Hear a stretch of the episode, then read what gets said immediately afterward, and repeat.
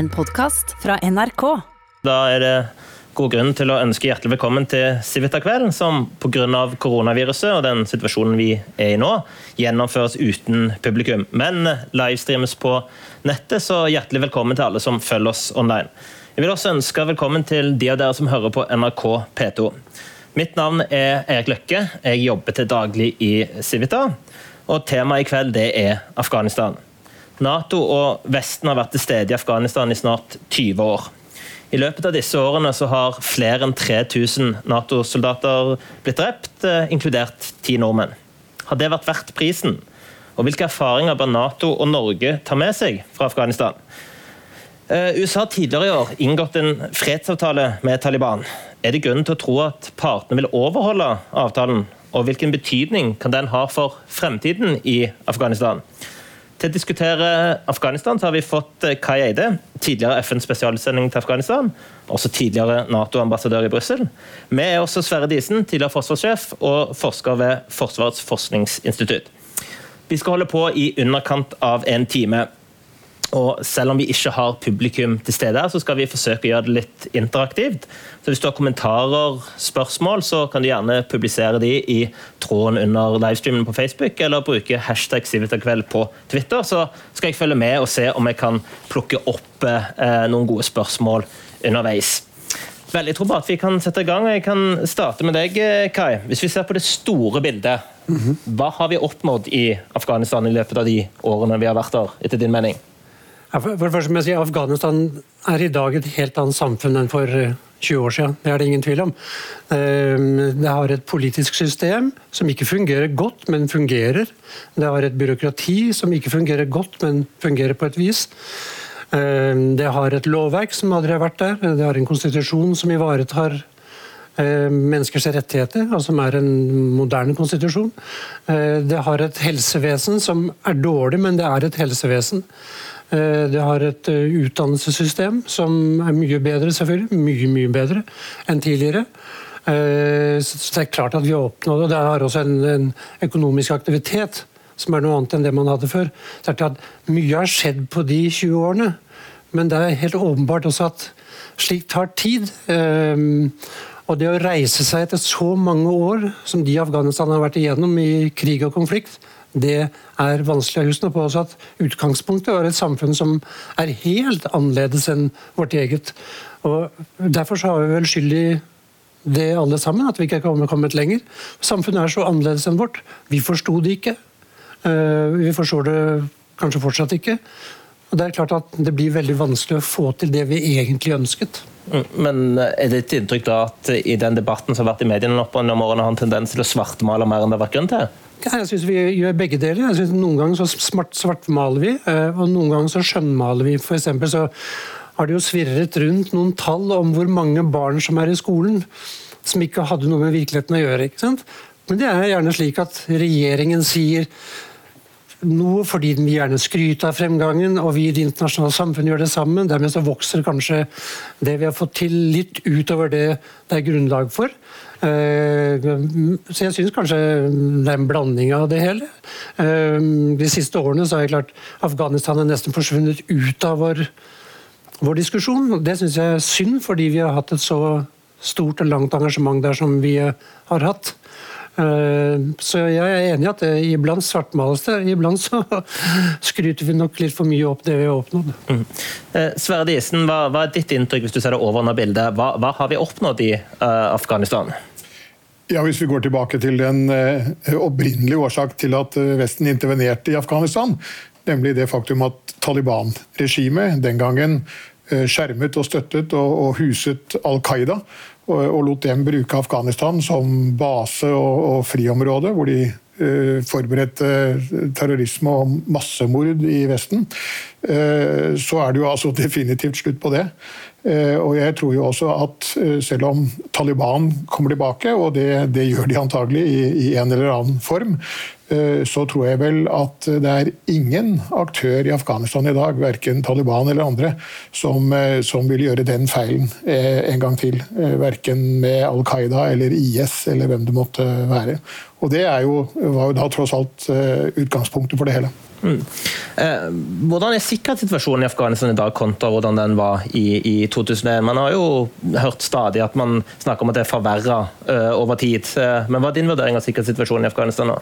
Ja, Så langt jeg eh, følger med på det, så, så er jo den også, som, som Kai akkurat sa, altså den, det kommer vel an på hva slags forventning man har. Og, og, eh, det er klart Vi har jo aldri trodd at, at, vi var i Afghanistan for å etterlate oss et slags eh, Sveits, hvor, hvor liksom, eh, togene går i rute og, og postgangen fungerer. Og det er klart, Sikkerhetssituasjonen i Afghanistan er altså langt fra tilfredsstillende. Og i deler av landet så er den absolutt utilfredsstillende, må vi vel si.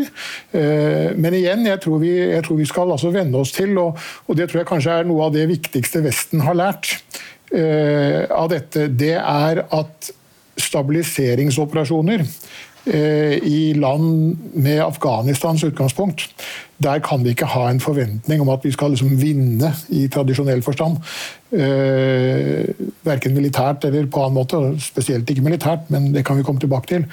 Eh, men poenget er vel egentlig at vi må venne oss til å se på denne type operasjon. Eh, hva enten det er i Afghanistan eller i Mali eller andre steder i, i eh, Afrika syd for Sahara, Midtøsten, hvor som helst. Eh, vi må venne oss til å se på det på noenlunde samme måte som vi ser på bruken av politi i vårt eget samfunn. Altså, vi har jo ikke politiet fordi vi tror at vi skal beseire kriminaliteten og, og så å si eh, fjerne den en gang for alle. Eh, vi har politiet for å holde kriminaliteten på et nivå vi kan leve med, som ikke truer liksom, samfunnsstabiliteten. Og jeg tror vi skal måtte venne oss til å se at vi har soldater eh, i et eller annet format, Nato, FN, EU, eh, e hva som helst, engasjert disse, på disse stedene hvor det er en trussel om statssammenbrudd og anarki og det som følger med det. Rett og slett for å hjelpe en svak, men legitim regjering med å holde et problem noenlunde under kontroll. Mm. Eh, hva er det hvis vi spoler tilbake til 2001, eh, og det er alltid fordelen å, å se ting i, i, ettertid, og etterpåklokskap er som sagt en god klokskap, men slik du vurderer det, skjønte man i 2001 hva man sto overfor i Afghanistan i Vesten? Det må bare være et entydig nei som kan være svaret på det. Uh, som jeg nevnte, et samfunn som er helt annerledes enn vårt. Amerikanerne følte seg tvunget til å reagere som de gjorde. Eh, trakk andre allierte med seg. Eh, men vi visste jo ikke hva vi gikk til. Eh, Taliban var jo egentlig slått i 2002. Jeg husker sjøl jeg spaserte gjennom gatene i Kabul i 2002 og 2003. Det var en politimann her og der, men jeg tusla jo rundt. Eh, og det var ro, og det var klart for en gjenoppbygging. Og veldig få av oss trodde vel da at Taliban ville komme tilbake slik de faktisk har gjort. Og i dag står sterkere enn noen gang siden 2001. Det er det ingen tvil om. Mm. Men jeg kommer tilbake til det. det. Det å begi seg inn i et land du ikke kjenner, verken kultur, språk, eh, historie også delvis, det er en risikosport. Og det har vist seg å være riktig både der og i Irak og i Libya. Mm. Sverdisen, du så jo dette fra et militært eh, ståsted. Hadde du inntrykk av at militæret både i Norge, USA og resten av Nato hadde en god forståelse av hva de står overfor? Eh, jeg tror de hadde en bedre forståelse på mange måter enn eh, regjeringen og politikerne hadde. Eh, men det har rett og slett med det å gjøre at i, i liksom militære stabs- og, og, høyskoler så har dette fenomenet med opprørsbekjempelse, eller counterinsurgency som det heter i sjargongen, det er et fenomen som har vært studert iherdig siden Vietnamkrigen. Og eh, alle militære, eh, nær sagt hvert lønna si, eh, er klar over at en, den type krig vinner du ikke militært. Tvert imot så er jo militære, det militære elementet i strategien det har en, en, rent defensiv hensikt. Det skal forhindre noe. Det er de sivile tiltakene. Det er altså statsbyggingen, nasjonsbyggingen og, og det å få en, en økonomi på bena det er det som er de offensive elementene per definisjon, for det er de som skal forandre noe. Eh, og militærmakten skal altså rett og slett i dette tilfellet bare hindre Taliban i å skyte seg tilbake til makten før vi fikk de sivile virkemidlene til å, å fungere og til å, å gi effekt. Eh, men vi fikk jo stadig spørsmål om, om når vinner vi krigen i Afghanistan. Eh, Hvem var det som spurte om det? Nei, Journalister f.eks. Eh, spurte jo stadig om det. Og, og da er det altså veldig viktig å, å forstå, tror jeg, at, at, her i denne type konflikt, så er det altså de sivile virkemidlene som skal på sett og vis skape en forandring, som skal skape en avgjørelse, så langt man kan snakke om en avgjørelse. Og Derfor tror jeg også at eh, det ble satset altfor lite på det. Eh, og det ble satset eh, kanskje på feil måte. Men, men altså det å få en, et førtitalls nasjoner til å gå så å si samlet eller i takt om en, en, sånn strategi, som altså da skal være både flernasjonal og blandet sivil og militær, så, sånn fungerer ikke det internasjonale samfunn. Så jeg har jo brukt å si noen ganger at, at hadde vi gjort dette etter boka, så skulle Kai Eide, da, og, eh, som, som, SRSG, han skulle vært altså Supreme Allied Commander Afghanistan.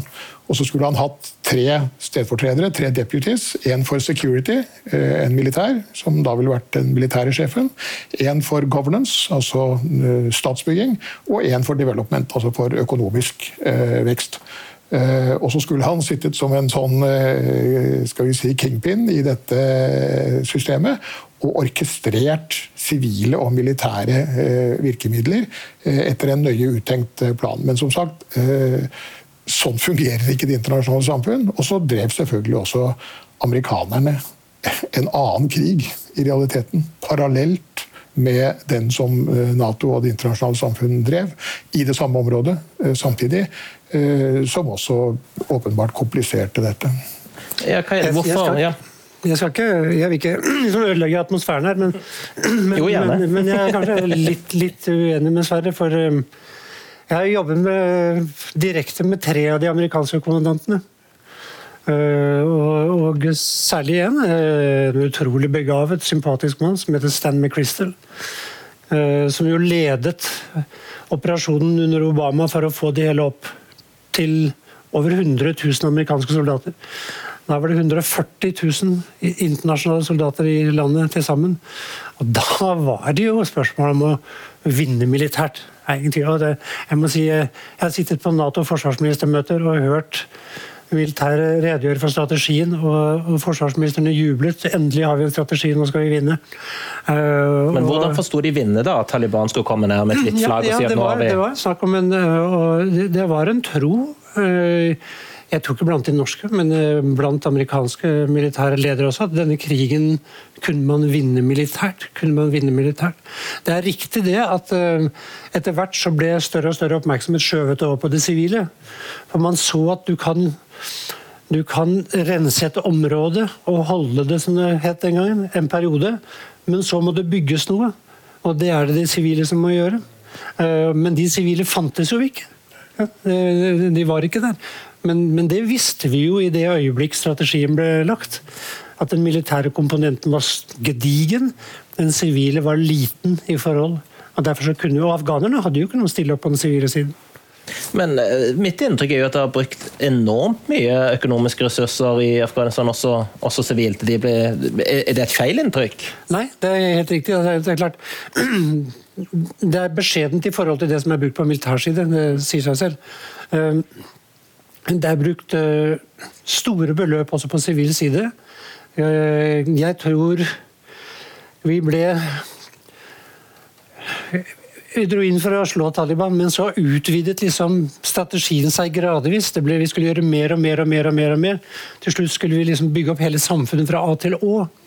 Alle institusjoner, skolevesen, helsevesen, eh, domstoler, rettsvesen osv. Det går ikke. Det går ikke. Vi har ikke ressurser til det. Vi har ikke kunnskap til det. og Afghanerne hadde det heller ikke.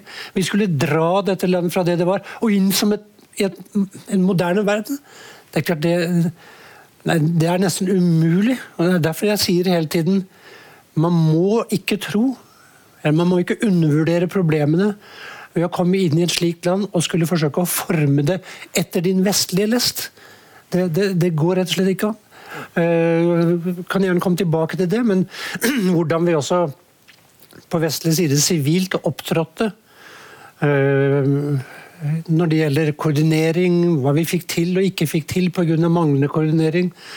Uh, som også er et, en akilleshæl i det internasjonale samfunns opptreden.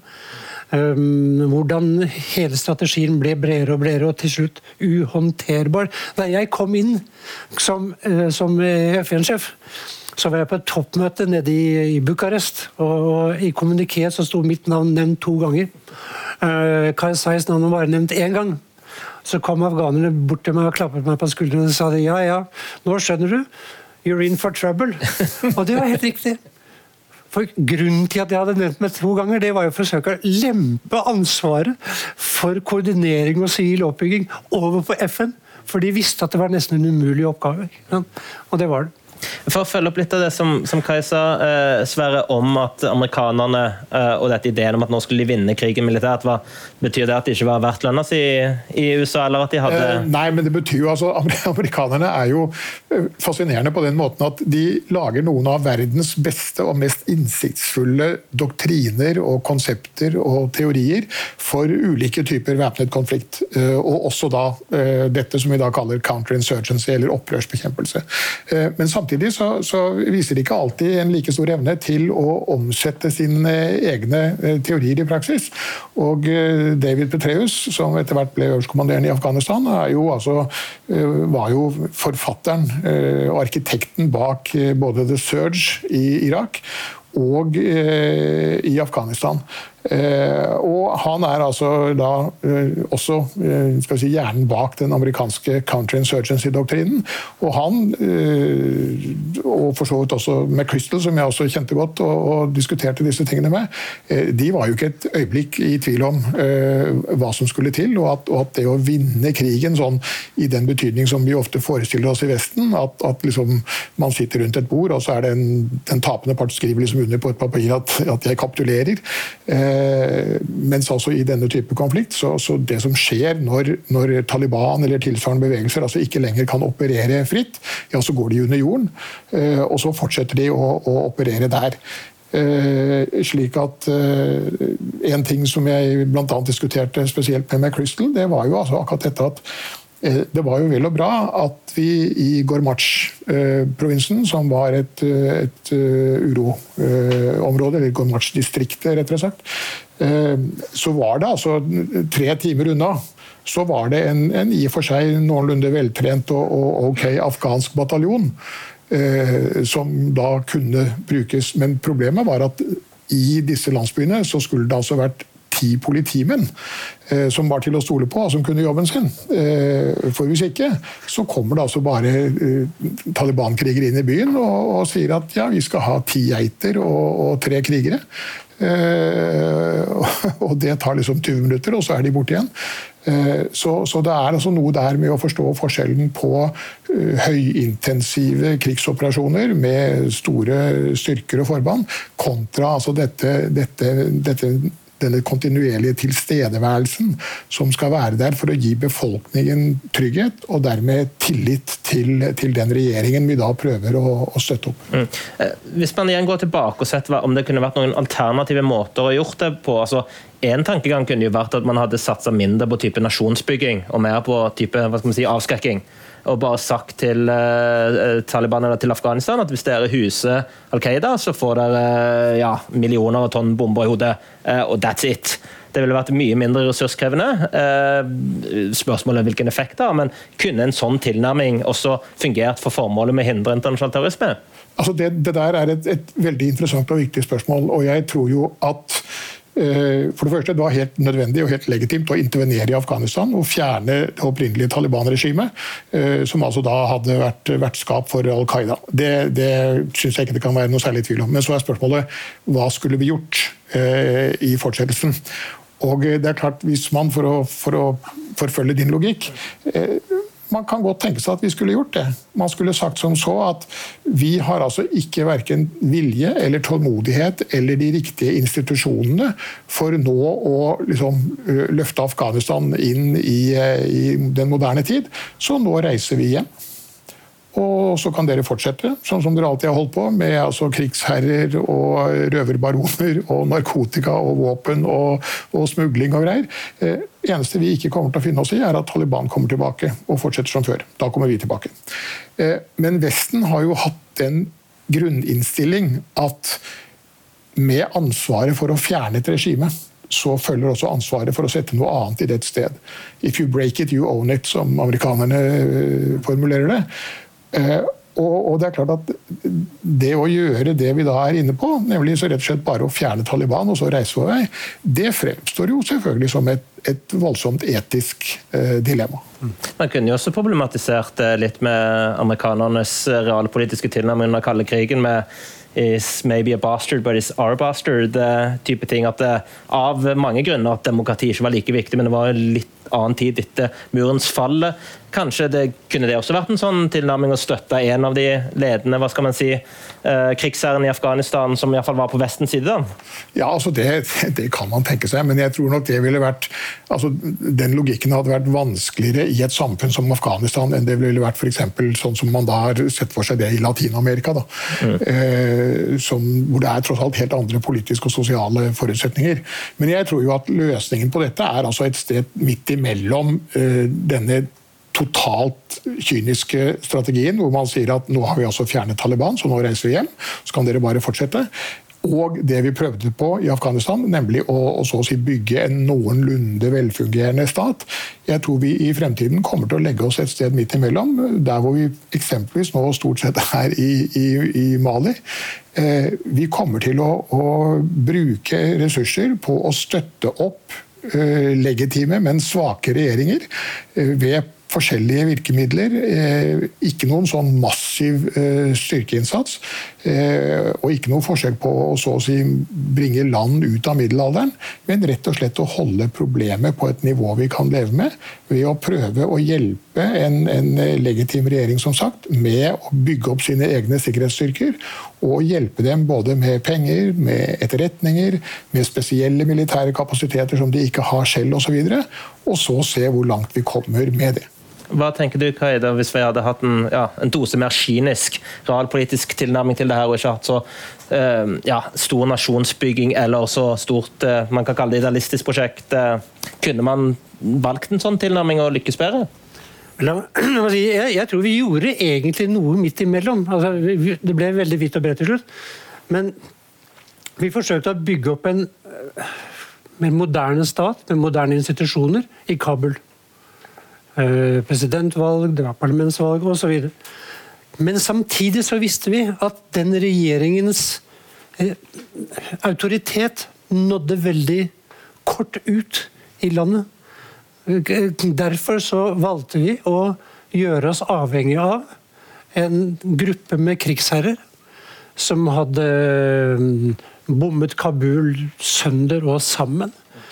Som var noen må jeg si, eh, relativt uh, Ikke var uh, mors beste barn. Mm. Vi, gjorde oss avhengig av dem. Gjorde avhengig av dem. Rett og slett for å kunne operere rundt omkring i landet. Så der hadde vi en sentralstat som vi forsøkte å bygge opp som en moderne stat, men vi var samtidig avhengig av disse menneskene rundt hele landet. Men hadde vi noe valg da? Måtte vi ikke gjøre det sånn? Ja, ja det, det, der er et ganske interessant spørsmål. for jeg, var ved Brookings nesten et år, i 2013-2014, og forsøkte å gjøre et arbeid rundt det der. Og gikk rundt og spurte i Kabul politikere, eh, folk som sto nær disse krigsherrene, hva ventet de i 2002, da amerikanerne kom inn? Eh, fantes det noe øyeblikk hvor det hadde vært mulig å redusere deres makt, om ikke kvitte seg helt med det? Uh, ville det ha vært mulig for oss å gjøre oss avhengig av andre? Da var Det samstemmige svaret var at disse krigsherrene på det tidspunktet var veldig nervøse for hva som ville skje med dem. Her kom amerikanerne inn. Uh, var deres tid omme, eller var det ikke? Så viser det seg det var det ikke.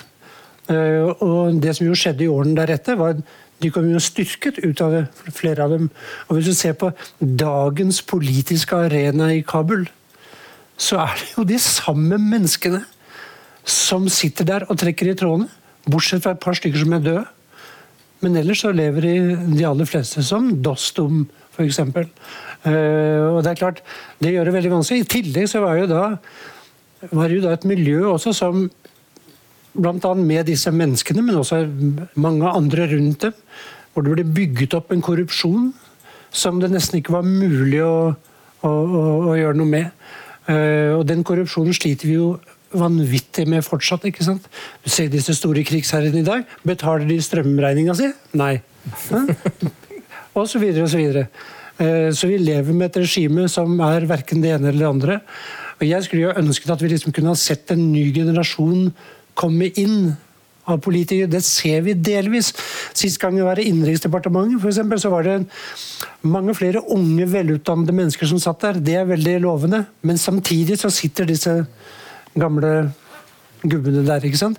Og vi snakker om Taliban, Vil Taliban respektere kvinners rettigheter, jenters rettigheter, gå på skole osv.? Vel, det der er ikke bare en Taliban-variant. ikke sant? Det er nesten samtlige av disse krigsherrene. Har jeg noen gang hørt dem snakke om kvinners rettigheter? Nei, aldri. Nei, jeg tror det også er et veldig viktig poeng. Altså når, man, når, vi, når, vi, ser på dette øh, og, og, ser liksom øh, kunne vi håndtert Taliban på en annen måte. Eh, vi har en tendens til å snakke om Taliban som en fellesbetegnelse på alle som altså eh, opererte eh, i denne konflikten som, som, krigsherrer i en eller annen fasong. Men det er klart det var jo en rekke av disse eh, krigsherrene som ikke hadde noe med Taliban å gjøre. og De var, altså, de var ikke egentlig, egentlig liksom enten på regjeringens side eller på Talibans side. De var på parti med seg selv og, og brukte krigen til å fremme sine egne interesser. og, og Abdul Rashid Dostum, eh, denne krigsherren som jo hadde sitt hovedkvarter i, i Faryab-provinsen, hvor vi hadde det norske eh, PRT. Han kunne antagelig vært dømt etter noe nær alle paragrafer i den norske straffeloven. Det er altså nær sagt ingen, eh, og her snakker vi altså om avskyelige ting. Eh, voldskriminalitet, vinningskriminalitet, det meste. Men altså det var bilde av Dostum i, i, alle disse små basarene og butikkene i, i Meymaneh. For usbekene, eh, de vil ha Dostum. Eh, fordi, og det har vi en tendens til å glemme fordi vi er så vant til at, at nasjon og stat eh, er det samme.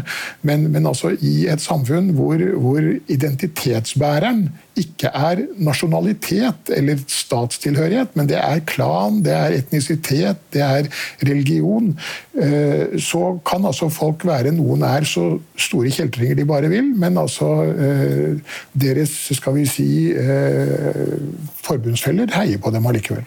Akkurat det er et sentralt ting, Kaido. Det har vi egentlig ikke kommet inn. Vi bruker Taliban veldig som generisk, men går det an å si noe? Hvem, hvem er det som er Taliban? Hva, hvem er den bevegelsen? Hvor, hvor enhetlig er den? Altså, går det an å si noe litt kort om det?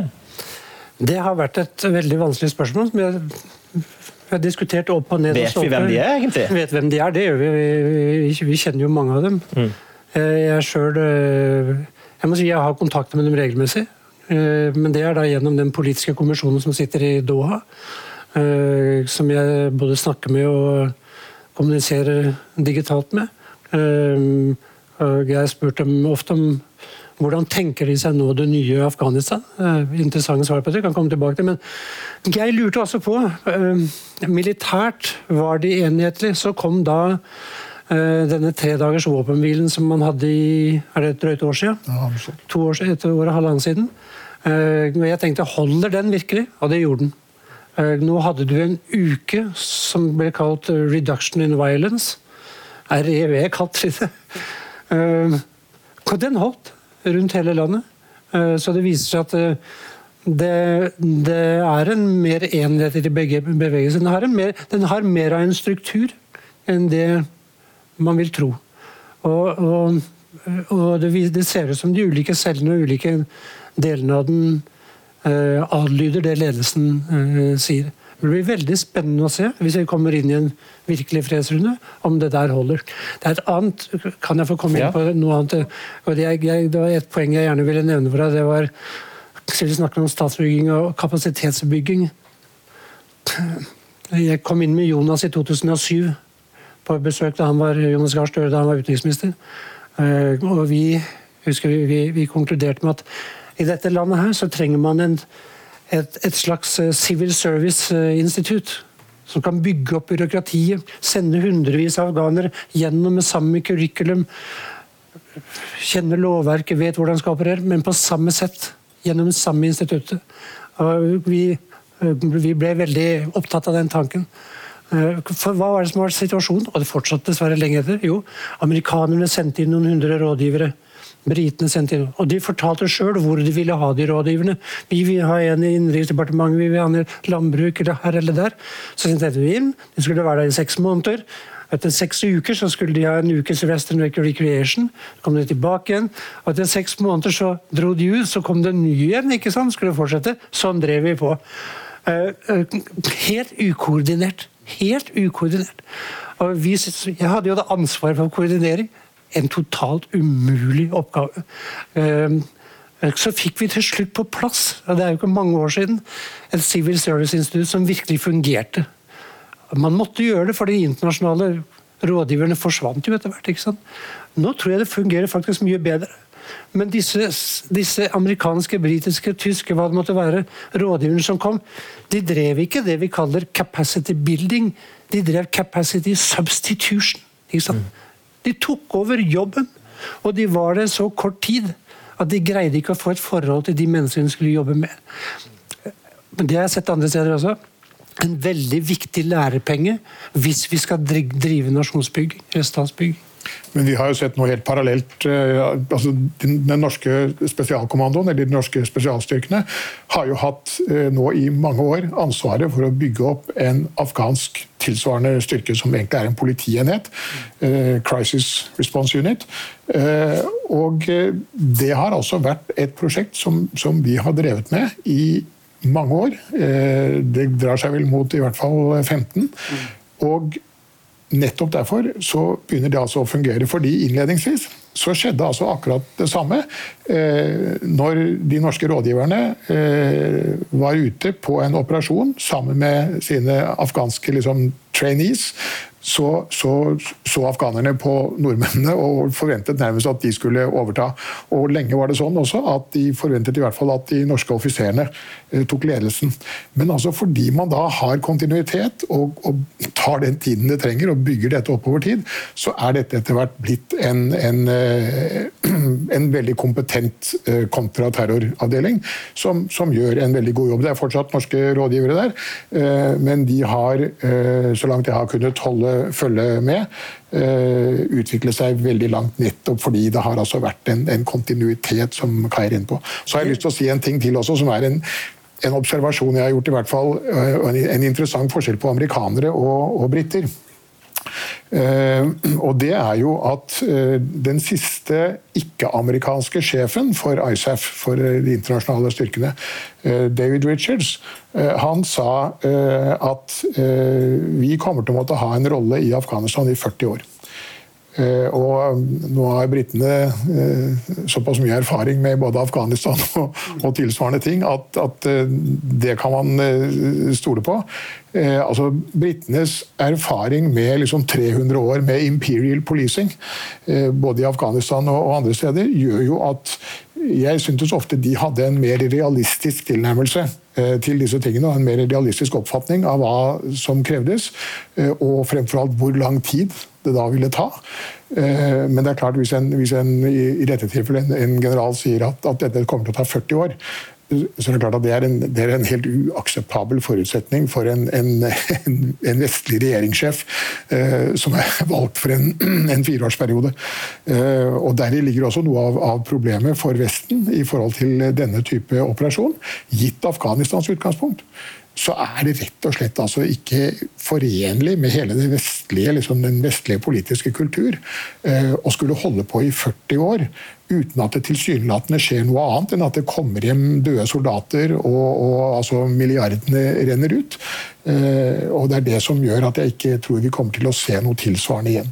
Mm. Jeg bare sier at Det, det, det Sverre peker på nå, den norske enheten i Kabul det tror jeg er noe av det viktigste bidraget, kanskje det viktigste bidraget vi har gitt. Mm. Og Jeg er helt enig i at det fungerer faktisk veldig bra.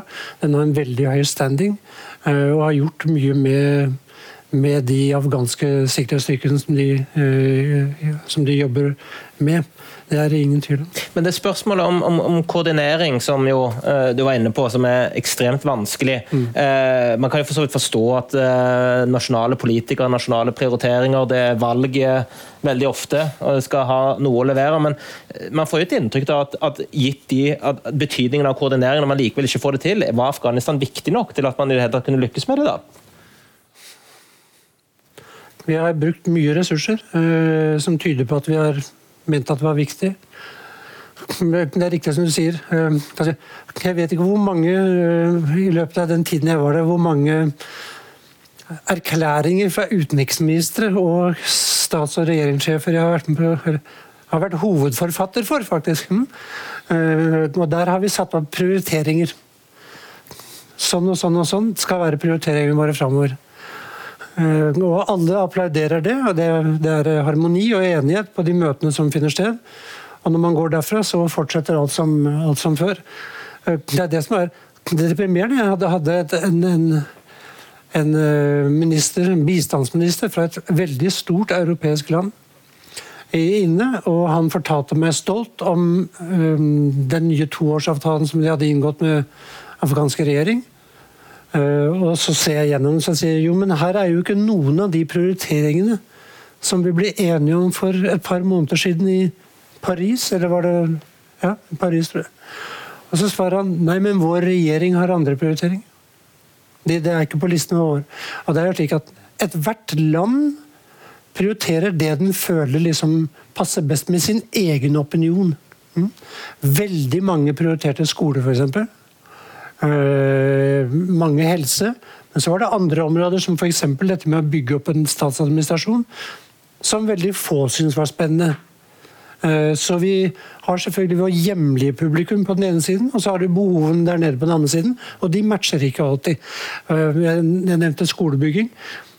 Vi bygget så mange skoler. Vi bygget så mange skoler, og det er veldig bra. Men hvem tok seg av å bygge opp skolevesenet? Systemet som skulle til for å holde dette gående, det var lavprioritert. Og, og du må ha noen som kan si vi trenger ikke penger der, nå trenger vi det der. Men det er, det er jo akkurat det som gjør at jeg tror som sagt at skulle vi fått til dette, og skulle man gjort dette i tråd med liksom de si, de mest intelligente og, og, beste teoriene rundt eh, denne type operasjon, så, så hadde du, Kai, du hadde måttet være en slags det internasjonale samfunnets visekonge i Afghanistan. Og så hadde du måttet sitte der med et sånt integrert sivilt-militært hovedkvarter, som da eh, gjorde akkurat det å flytte ressurser fra den ene operasjonslinjen til den andre. Eh, nær sagt provins for provins, distrikt for distrikt. Eh, men, men som sagt, sånn fungerer jo ikke det internasjonale internasjonale samfunn med, med den grad av kollektiv enighet og, og system. Og så tror jeg det er en viktig ting som vi her i Norge uh, gjorde feil, og, og, det er litt av et minefelt, men, men altså uh, Vi var jo veldig nøye på å skille mellom sivil og militær innsats. Uh, og det kom jo av at eh, vi veldig ofte spilte på NGO-ene, humanitære organisasjoner, for å levere den sivile innsatsen. Men de er jo nettopp veldig nøye med at de skal være nøytrale. De vil ikke være en del av en, en strategi, aller minst en militær strategi. For det går på deres troverdighet generelt i alle verdens konfliktområder. De skal være nøytrale. Og, men, men, det er altså egentlig helt meningsløst. Fordi dette er jo ikke humanitær hjelp på humanitære premisser. Dette er krig. Og den sivile innsatsen er en del av en koordinert strategi. Så NGO-ene har selvfølgelig et meget respektabelt motiv for, for sitt standpunkt, men, men, konsekvensen av det er jo bare at da får vi bruke altså, kommersielle aktører eller andre statlige etater og organisasjoner for å, å yte den sivile bistanden. Også for de humanitære organisasjonene altså, drive sin virksomhet uh, uavhengig av det, i den grad det er praktisk mulig. Okay. Ja, eh, jeg er delvis enig, men delvis uenig. Jeg var i tillegg til å lede den politiske FN-misjonen, så var jeg jo da far for hele FN-familien. Og det betød også at jeg var far for de mange tusen som jobbet ute i felt. og som var avhengig av å kunne føle seg trygge for angrep fra Taliban. Eh, og jeg hadde jo det, Den første amerikanske kommandanten som var der da jeg kom, kom til meg og sa han, Kai, we're one team. One purpose. Og jeg kunne svare at one purpose, ja. Men vi kan ikke være one team. Omgivelsene må se oss som to ulike. Fordi jeg trenger den beskyttelsen for mine eh, som de har ved å være uavhengige. Hvis jeg klenger meg for nært opp til deg, så blir de også sett på som målområder. Derfor så måtte jeg Du må spille med to, med to ansikter. Ja, der, der, eh, der, er du jo inne på liksom, vanskeligheten. for det er klart at altså Jeg tror jo at hvis, hvis NGO-ene vil eh, og nå snakker vi altså om de, om de humanitære organisasjonene, da, i realiteten. Hvis de vil være uavhengige eh, og ikke være en del av en integrert strategi med både militære og sivile virkemidler, så er det veldig vanskelig for dem samtidig å forlange beskyttelse av den samme eh, skal vi si, eh, militære organisasjonen som de ønsker å distansere seg fra. Så, så da må man altså finne en eller, annet, eller annen måte å komme rundt det dilemmaet på. For det er, liksom, det er noe med dette at you can't have your cake and eat it som i så fall skaper et problem. Jeg har lyst til å komme litt inn på, så Vi har for så vidt vært litt inne på Norges innsats her, og Norges eh, betydning. Eh, hvis vi går tilbake til 2001 og, og, angrepet på USA, så hadde vel Norge i realiteten ikke noe valg som medlem av Nato å, å bli med. Og, og Sverre, hvordan syns du Norge har løst oppgaven sin i Afghanistan? Har vi, har vi gjort det som vi kunne forvente av oss? Eh, mer til? Mindre? Ja, altså Innledningsvis, eh, før Nato ble involvert i dette, så hadde vi også et, et styrkebidrag eh, i eh, operasjonen Enduring Freedom, altså den amerikanske eh, operasjonen. Og, eh, men det var klart, også i kjølvannet av 11.9 så var det jo også en så massiv enighet om at det som nå hadde foregått i Afghanistan, det kunne ikke fortsette. Og det, det var det både Det var rent selvforsvar å endre på det. Eh, men altså når det gjelder hva vi i Norge har eh, nær sagt fått ut av dette, for å bruke det uttrykket, så, så har jo vi egentlig kommet uh, veldig bra fra det på den måten at vi for det første vi, vi gjorde det som ble forventet av oss som alliert. Uh, og der ligger den politiske gevinsten, selvfølgelig. Men så skal vi altså huske at vi har fått veldig mye, av, veldig mye ut av det militært også. Og det har rett og slett sammenheng med at en del av de norske bidragene eh, leverte jo eh, langt over forventning. Ikke vår egen forventning, men våre alliertes forventning. For vi skal være klar for at stormaktene har en tendens til å nedvurdere eh, eller undervurdere små staters bidrag. Eh, hvis du er liten, så, kan du nærmest eh, per definisjon ikke være god. Men det er klart at også småstater som Norge, ganske særlig innenfor en del nisjer, har altså kapasiteter som, som ikke står noe tilbake for stormaktenes realiteten. Slik at F.eks. vi har allerede vært inne på, på norske spesialstyrker. Det er klart de leverte eh, ting i Afghanistan som ingen av våre allierte hadde forventet av dem. Og Det samme kan man si om en del andre norske styrkebidrag. Eh, Etterretningsvesenets bidrag, Kystjegerkommandoen. Og Sånn sett så kan man si at, at, vi har altså styrket oss rent militært. altså Vår anseelse militært hos våre viktigste allierte den er betydelig styrket. Så kan man selvfølgelig også si at uh, Forsvaret fikk kamperfaring i Afghanistan. Det er altså meget verdifullt, selvfølgelig, for, en, for et uh, lands uh, forsvar. Så alt i alt så, så, tror jeg vi kan si at vi er kommet ut av Afghanistan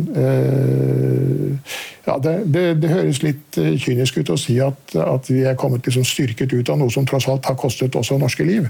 Eh, men det blir jo da til syvende og sist en politisk vurdering om, om, noe er verdt prisen. Men det er ikke tvil om at vi er som forsvar kommet styrket ut. Både rent kompetansemessig og i forhold til våre allierte og deres syn på oss. Den, den, debatten som gikk særlig når SV kom inn i regjering om, om, om Norge skulle delta i Sy, der det var mest kamphandlinger sånn, og hadde begrensninger på sitt militære oppdrag, så å si. Det var vel under din tid som, som, som forsvarssjef.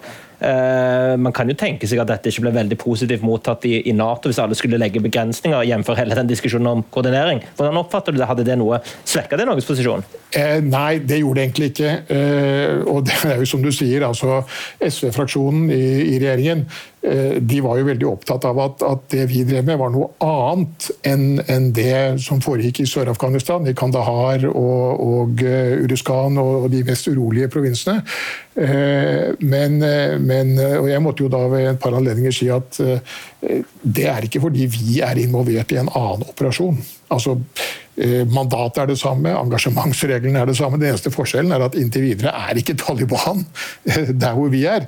Men den dagen de kommer dit, eh, så vil det ikke være noen observerbar forskjell på det vi gjør, og det eh, si, canadiere, amerikanere, briter, dansker gjør lenger sør jeg vil vel si at det var ikke nødvendigvis liksom, et, et veldig, si, det var ikke en veldig velkommen innsikt. Men, eh, men eh, det tror jeg er en, en, en, realitet, og det var ingen av våre allierte som, som meg bekjent la merke til eh, noe av den retorikken som, som, var en del av den norske debatten på den tiden. Mm. Eh, Kai, du har jo tilbrakt mange år i, i Nato-systemet også. Kan man si at Norge har, har, fått mye sikkerhetspolitisk kapital for å bruke det uttrykket gjennom sin innsats i Afghanistan, som vi eventuelt kan, kan løse inn siden?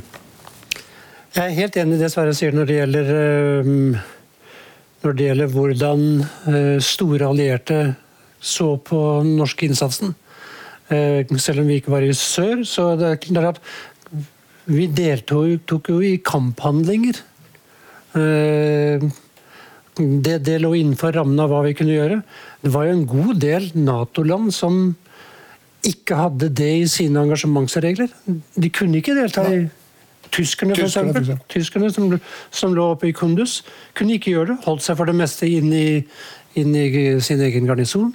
Uh, Skapte det mye irritasjon? da? Jeg mener jeg husker Canadierne til slutt ble irritert, for de fikk jo en del tap når de sto for dette alene? Det, det, det, er klart at altså, Svenskene også. Eh, du nevnte Gormars, som ligger der på grensen mellom Faryab og provinsen sør for.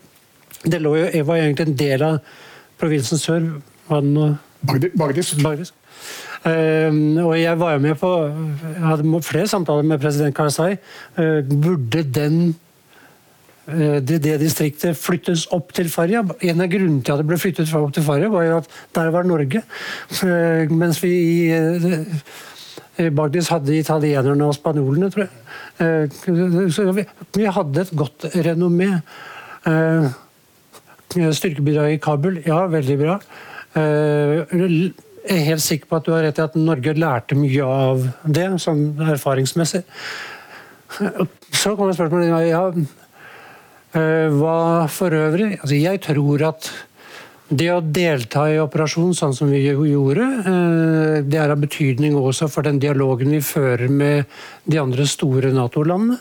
Eh, vi er en aktør. Det legges merke til. Vi blir tatt seriøse, seriøst. Så på den måten så er det er av betydning. Mm. Vi, vi, går mot slutten. Jeg har lyst til å, å spørre litt om det som vi eh, nevnte helt i begynnelsen, om at det, det er inngått en fredsavtale da, eh, mellom Taliban og eh, USA. Eh, du har jo vært en del hva, hva, hva, tror du om muligheten for en sånn fredsavtale vil bli respektert fremover? Det er ingen fredsavtale, det er en tilbaketekningsavtale. som blir inngått 29.2. Eh, den går sin gang, den. Den, den hangler og går. Amerikanske tilbaketrekkinger er i gang. Men Hva tenker afghanske regjeringen om det her? De virker litt mer det, det, det, er det som nå i dag er eh, problemet. Jeg tror at både Taliban og amerikanerne ønsker å holde den avtalen ved like eh, og få den gjennomført. Eh, jeg tror de begge er seriøse i det. Så er det det at du har i dag en politisk krise i Kabul, hvor to personer, president Ghani og da dr. Abdullah, Eh, hadde parallelle innsettelsesseremonier og gjorde seg selv til presidenter begge to. 300-400 eh, meter fra hverandre på samme tid. Det er klart, det, det, Dette er jo en tragikomisk situasjon. ikke sant? Det, det er, jeg, jeg, ble selv bedt om Jeg skrev også en, en, en, kronikk for noe som heter Tolo, som er den største mediebedriften der nede. Med en appell til de to. Han måtte vise seg som statsmenn og ikke som store egoer, for å sette det på spissen. Den vakte avskillig oppsikt. Litt viktigere enn det, for å si det mildt. Pompeo, Utenriksminister Pompeo dro jo bort og sier nå må dere komme til enighet. Så ble det jo, så sier han ok, vi kutter 1 milliard dollar, 1 milliard dollar i bistanden. Kanskje Afghanis reaksjon to dager etterpå var å si det berører ikke noe viktig del av vårt samfunnsliv. Som var totalt idiotisk. Eh, i dag, For to dager siden så hadde jeg håpet at dette her var i ferd med å gå i orden, at vi kunne komme fram til en, eh, en løsning. Eh, det er det da per nå, så vidt jeg vet. Fortsatt ikke gjort. Det er skandaløst. Det er skandaløst at vi, at vi har en lekegrind politisk anført av to personer som dette, som ikke greier å bli enige om én regjering i en sånn situasjon. Nå truer dr. Abdullah altså med å utnevne sin egen regjering. Det, det, det, holder ikke. Det holder ikke. Den fangeutvekslingen som amerikanerne og Taliban ble enige om, den har faktisk begynt. Den, den, den humper og går. Ikke etter timeplanen amerikanerne og Taliban ble enige om, men den er i gang. Eh, men hvordan de skal komme fram til samtaler nå mellom en afghansk altså Kabul-delegasjon og Taliban. Utsiktene til det i øyeblikket ser i hvert fall ikke gode ut. Men dersom de to kumpanene i Kabul kan bli enige, da ligger egentlig veien åpen der uh, for forhandlinger. Mm. Uh, uh, men altså, jeg tror man må liksom se i øynene også at også i det afghanske politiske miljøet i, i, i Kabul så er det ulike oppfatninger av hvorvidt man bør gå inn i sånne forhandlinger. Det er jo også en tragedie. Her er Taliban og amerikanerne har greid å sette seg ned og diskutere. Mens den nølende parten i dag er Kabul, den politiske eliten i det landet det gjelder. Det er det, det, det er det, absurde, etter min mening. Ja. Vi går mot slutten, så uh, Sverdisen, ett minutt helt til slutt. Hva tenker du har vært for så vidt litt inne på det, Hvis du skal oppsummere de viktigste erfaringene for Vesten og Norge, uh, ett minutt til slutt, hva vil du si da? Da vil jeg si at, at, eh, Jeg vil gå tilbake til det jeg nevnte innledningsvis. Jeg tror vi må regne med at det er ikke siste gang det vil være behov for vestlige militære styrker i ustabile land som er truet av statssammenbrudd og anarki. Eh, delvis fordi slike steder gjerne blir opphavssted for, for terrorisme og den type ting, som vi har sett med IS. Eh, delvis fordi eh, folk kan altså, også da snakke store folkemasser, kan begynne å røre på seg. Vi kan få altså, massemigrasjon og den type ting, som vi heller ikke ønsker. Eh, og Da vil vi ikke ha noe annet valg enn på den ene side å engasjere oss, på den annen side å engasjere oss på en måte som altså ikke innebærer et nytt Afghanistan-prosjekt, men et prosjekt hvor vi prøver å, å skal vi si, støtte opp svake, men legitime regjeringer på en måte som gjør at de greier å holde skal vi si, problemet under kontroll og på et nivå vi kan leve med. Og Det betyr at vi vil oppleve denne type konflikt hvor som sagt, hensikten er ikke å vinne.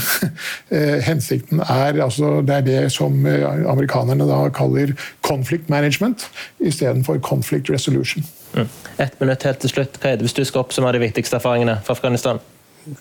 Det må være det jeg innledet med, faktisk. Ehm, punkt én, det er utrolig komplisert og mye mer enn jeg tror de fleste innbiller seg å gå inn i et samfunn som er så annerledes, og som vi har så liten kunnskap om. Ehm, eh, det andre jeg skulle si var ehm, Når en militær, stor internasjonal militær styrke, hovedsakelig vestlig militær styrke kommer inn, og det etter noen år viser seg at den ikke greier å gjøre det den hadde stilt i utsikt, eller i hvert fall slik afghanerne hadde opplevd det, så blir den mer og mer upopulær i befolkningen. Det nytter ikke å ha en stor vestlig styrke stående uten at befolkningen gradvis stiller seg tvilende til den, og flere og flere blir motstandere av den. Særlig når det blir veldig mye sivile tap. Da går det ikke.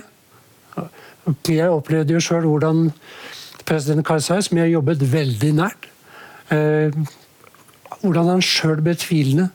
Eh, og han si, var vel den politiker jeg har opplevd der som hadde øret nærmest til bakken og visste hva som foregikk i det afghanske samfunn. Sverre Diesen, Kaide, tusen takk for at dere deltok. Tusen takk til alle som fulgte oss online også, og tusen takk til dere som hørte på på NRK P2. Det var Civita kveld for i dag. Vi kommer tilbake med nye livestream senere. God kveld. Du har hørt en podkast fra NRK.